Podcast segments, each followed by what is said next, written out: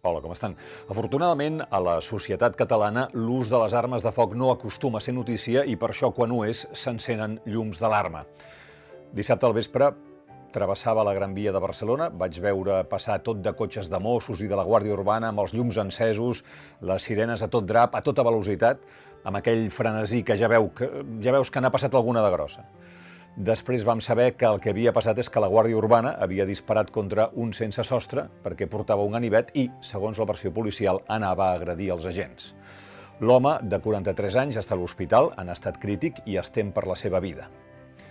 Avui, quatre redactors del diari firmen aquesta crònica. Els veïns, indignats amb el tiroteig al sense llar, era inofensiu. Es veu que feia quatre mesos que dormia en un banc de la zona, al passeig de Sant Joan, es passava el dia dret al costat d'una perruqueria i no consumia alcohol. I que fins i tot a la vora hi havia una llar d'infants i mai hi va haver cap problema. Arrels també eh, diu que el coneixien i que és l'última persona de la que haurien pogut eh, dir que desencadenaria una crisi com aquesta. No sabem exactament què va passar. Algú va provocar o es va discutir amb l'home i per això estava alterat, però el resultat és una persona entre la vida i la mort i això és horrible. Sembla desproporcionat que entre la porra i la pistola no hi hagi cap altra arma dissuasòria entremig. Al mateix temps, imaginem que l'alerta policial contra el terrorisme segur que manté en un estat de percepció de perill especial als agents, entre uns i altres, el tret a la panxa aquesta persona sense sostre de Barcelona sembla avui un drama evitable. Just a la pàgina del costat d'aquesta crònica tenim la del judici pels atentats de Barcelona i Cambrils. Ahir va declarar el mosso que va abatre quatre terroristes. La mossa que va ser atropellada pel cotxe dels terroristes a terra, amb el cap sagnant, no veu el seu company de patrulla, però ho té clar i declara. Yo veo claramente que ha sido un atentado en toda regla y saco el arma de fuego y empiezo a disparar. Allí no había nadie más. Se escuchó, bueno, se podía escuchar un silencio aterrador. El company va declarar del vehicle en comencen a sortir persones amb vermilles que semblaven bombes.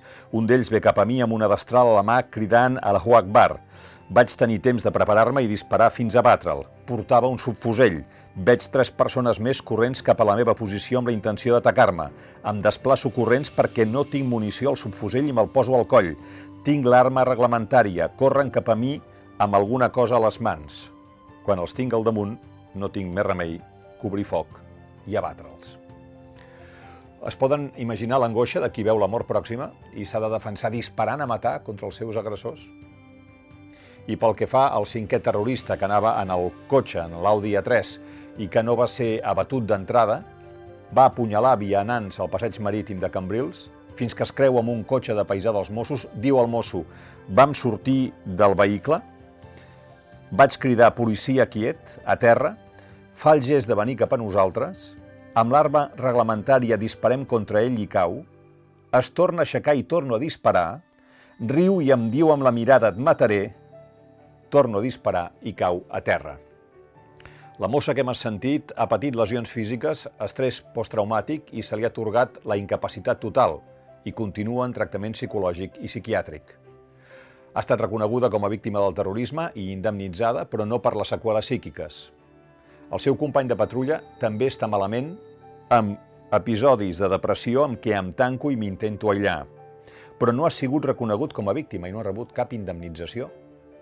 Estic de baixa i no m'he pogut reincorporar. De fet, eh, està pendent d'una proposta d'incapacitat total. I diu, el pitjor és el sentiment de culpa per com afecta la meva família. Sembla increïble que hagin de passar així, d'aquesta manera, un trauma com aquest. Fer servir una arma de foc sempre és un últim recurs i, i sovint de greus conseqüències insospitades.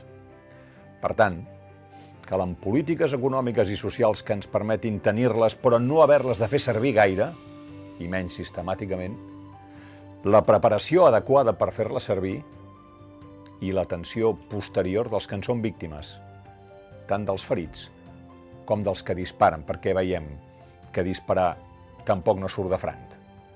El nostre reconeixement pels que treballen a primera línia, un record pels que pateixen la Covid-19, pels presos polítics, pels exiliats, i que tinguem un bon dia.